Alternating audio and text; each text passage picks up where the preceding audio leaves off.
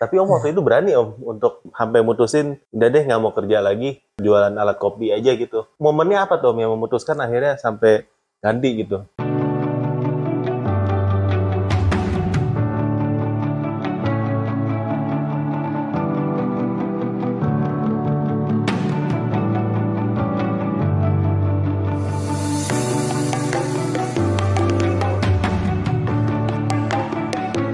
Halo Botakers, kembali lagi bersama saya Om Botak di channel Cerita Om Botak dan kita saat ini ada di part kedua di mana saya akan ngobrol dengan Om George uh, sebagai owner dari Kardus Bandung uh, di Tokopedia di Shopee ya. Tapi kalau teman-teman cari Google Map nih Kardus Bandung online. Ya, nah, ya buat teman-teman yang belum jadi Botakers boleh klik join membership supaya teman-teman dapat video-video daging yang akan bantu teman-teman dalam berjualan online di Shopee, Tokopedia, TikTok dan juga Lazada. Nah, sekarang saya udah bersama dengan Om Jos nih, kita ingin ngobrol-ngobrol Om ya. Boleh. Ingin ingin belajar nih Om prinsip prinsip bisnis gitu.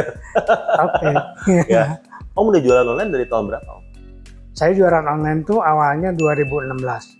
Tapi 2016 itu udah lama lama loh sebenarnya. Iya. Dibandingin kalau saya lihat tuh kebanyakan baru jualan online pas Covid banyak kan. Jadi pas Betul, ba- ya. banyak seller baru kan kan 2020 2021 karena kepaksa ya akhirnya jualan. Ya. Tapi Om sebenarnya 2016 itu ter- udah termasuk salah satu pionir dong. Udah Masa senior itu ya? Bener udah senior ya. Ah, Ini.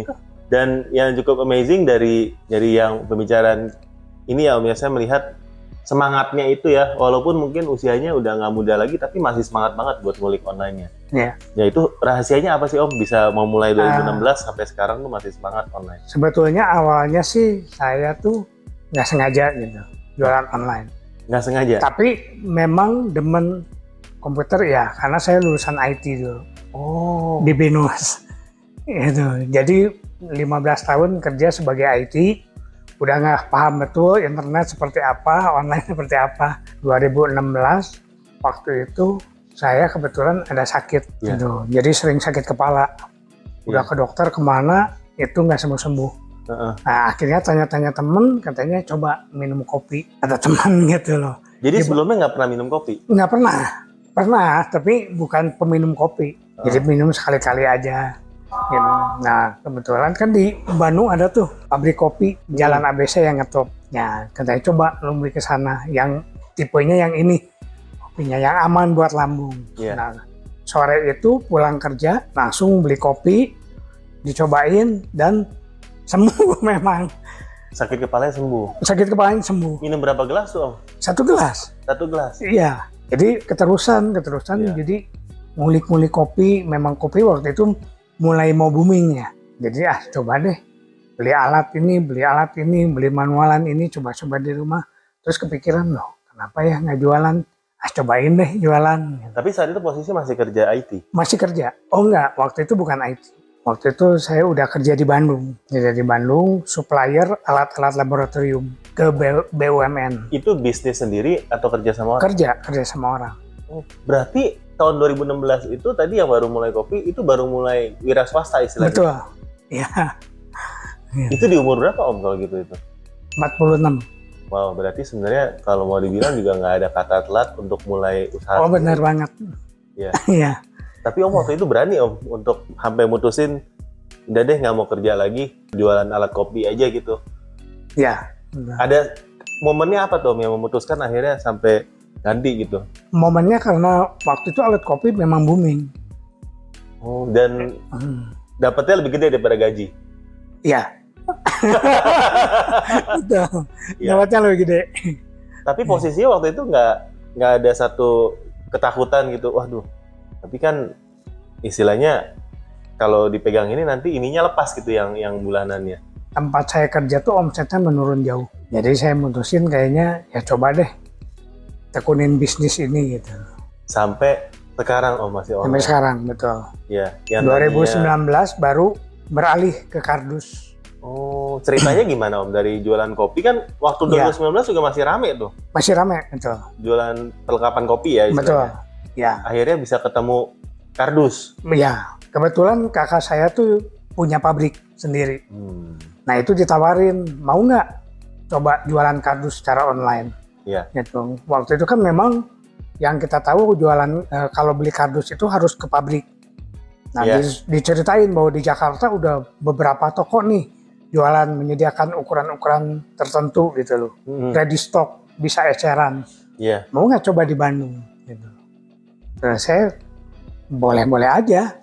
Kalau dititipin barang kan kita mau-mau aja ya Iya. jualan online. Iya. Kita udah ngerti caranya online seperti apa. Jadi mulai gitu jualan online. Dan ternyata ya eh, puji Tuhan sampai sekarang jalan. Dan kardus ini malah sekarang lebih bagus daripada jualan Betul. kopi. Betul. Wah, keren ya. Nah, jadi sebenarnya kalau saya juga belajar dari uh, kisah hidupnya Om Jos ini, uh, memang kesempatan itu akan selalu datang. Tapi Betul. ketika kita siap ya, Betul. kalau waktu itu ditawarin kardus belum pernah jualan online juga mungkin Benar ya. mungkin Belum tentu diambil. belum tentu diambil juga Betul, karena nggak ya. tahu caranya gimana ya. Iya. Jadi mungkin buat teman-teman yang saat ini mungkin lagi jualan A dan lagi kalau kok jualannya nggak naik-naik atau mungkin Ya. lagi lagi po- posisi lagi di bawah, ya jangan khawatir teman-teman ya. Teman-teman udah punya skillnya, ya mungkin tinggal ketemu jodohnya di produk yang tepat, Betul. ya kan? Karena skill ini kan yang mahal sebenarnya. Betul. Ya. Ya. Berarti waktu udah ketemu kardus ini langsung booming om. Eh, booming pas waktu pandemi. Memang pas waktu pandemi itu kan lockdown. Ya. Hmm. Kita pikir tuh udah wah kayaknya bisnisnya mati nih. Semua bisnis kan banyak yang mati waktu itu. Tapi ternyata kardus tuh beda gitu loh kemasan. Begitu pandemi malah permintaan jauh meningkat pesat banget. Jadi waktu lockdown itu banyak eh, orang Indonesia yang kirim-kirim masker, hand sanitizer itu ke China. Gitu. Jadi mereka butuh kemasan. Gitu. Jadi eh, omset tuh bisa meningkat waktu itu lima kali lipat, enam kali lipat. Waktu itu. Kalau yang om perhatikan itu dari yang eh, beli kardus ini kebanyakan rata-rata memang online seller gitu ya om. ya? Online iya, end user iya, tapi kebanyakan memang mereka yang punya usaha. Yang punya usaha. Betul. Dan Gitu. mungkin kalau saya boleh tebak enaknya kalau udah sekali beli pasti repeatnya tinggi itu mereka. Repeat, betul. Repeat ya. Iya, Karena udah ketemu ukurannya cocok, betul. Servisnya juga bagus ya Ya. dari sini ya. Harga juga pastinya bersaing ya kan karena Ya. dari pabrik langsung. Jadi Betul. akhirnya ini membuat eh, bisnisnya ini stabil ya Om ya. Ya. Karena repeat ordernya tuh tinggi gitu ya Tinggi. kurang lebih. Wah, berarti ini eh, bagus banget ya kalau kayak gitu ya. Rahasianya itu untuk yang membedakan eh, kardus Bandung online ini dengan toko-toko lain yang menjual barang sejenis itu apa? Yang pasti kita tuh pionir kalau di Bandung. Yang menyediakan Jadi waktu berbagai jualan ukuran. belum ada yang jualan di Bandung. Ada. Ada yang jualan di Bandung, tapi yang menyediakan sekian banyak ukuran yang ready stock tuh baru kita. Hmm. Jadi mereka kebanyakan bukan kardus untuk packing, bukan untuk kemasan. Banyak yang jual tuh dulu masih kardus untuk kue. gitu. Hmm. Untuk uh, hampers yang ada variasi pakai mika atau kayak begitu. Untuk brownies. Kebanyakan gitu. Nah, nah, kita masuk di segmen yang uh, kardus kemasan. Untuk packing barang, untuk uh, ya kebanyakan untuk packing barang. Gitu. Yang pasti dari segi harga saat ini di Bandung kita termurah. Hmm. Kualitas juga terjamin karena produksi sendiri, pabrik sendiri. Ya. Ya, Nah, kalau saya boleh tanya yang berarti eh, ini ada beberapa pertanyaan ya, mungkin eh, boleh dijawab ya. Pilih online offline? online jelas. Online ya. Online. Padahal online offline juga bagus, Om. Offline bagus. Iya. Ya, Karena kalau saya nggak tahu kalau di eh, Jakarta atau kota lain, kalau Bandung itu lebih banyak orang yang memang pengen datang. Iya. Hmm, mungkin nggak percaya atau gimana saya, atau banyak orang yang datang ke sini bawa produk. Jadi mereka cocokin ukurannya, Cocokin. betul dengan kardus yang ada. Padahal Gitu. kan bisa dari ukurannya juga ketahuan ya. betul, gitu. Iya. Nah, tapi nggak semua kan seperti itu. Misalkan kayak orang mau kirim hampers, hampers itu kan bisa berbagai barang kan isinya. Hmm. Sembako bisa ada beras, ada apa segala macam. Mereka bawa, mereka cocokin. Tapi Gitu. tetap pilihnya online kalau bisa. Kalau bisa online, Online karena prospeknya bisa jual sampai ke mana aja ya, Om ya. betul. dan lebih simpel. Hmm. Tokopedia atau Shopee om? Saat ini Tokopedia, Tokopedia. Tokopedia masih lebih besar dari sana. Hmm. Berikutnya ya om ya, jualan satu jenis barang atau palu gada? Kalau lebih banyak macam lebih bagus, Lebih banyak macam lebih bagus. lebih bagus. Tapi satu kategori.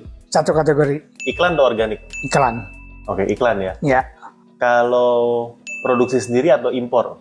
produksi sendiri. Saya boleh tanya nih, kalau boleh kita ulang balik ke tahun 2016, Om Jos ya. Apa tiga hal yang Om akan lakukan? Boleh sama, boleh beda. Oke.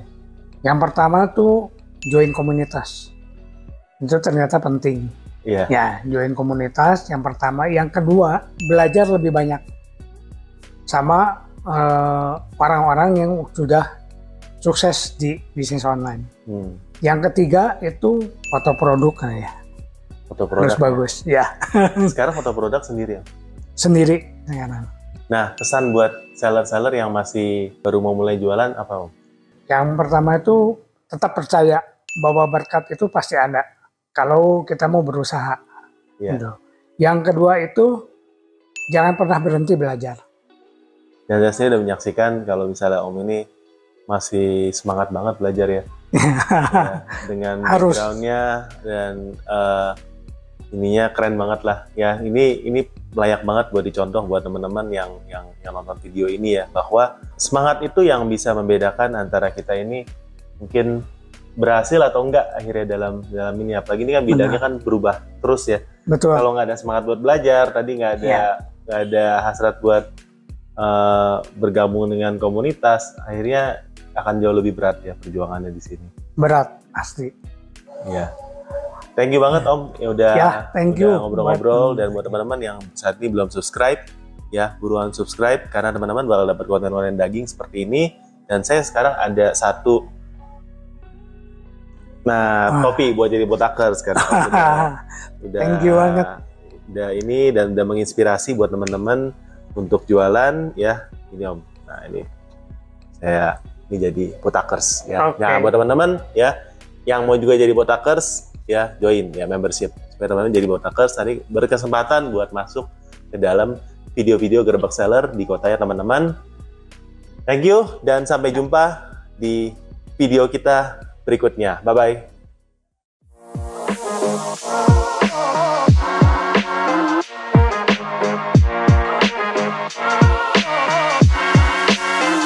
Kalau max bidnya itu ternyata kita ketemunya di bawah dari min bid, kita nggak bisa ngiklan.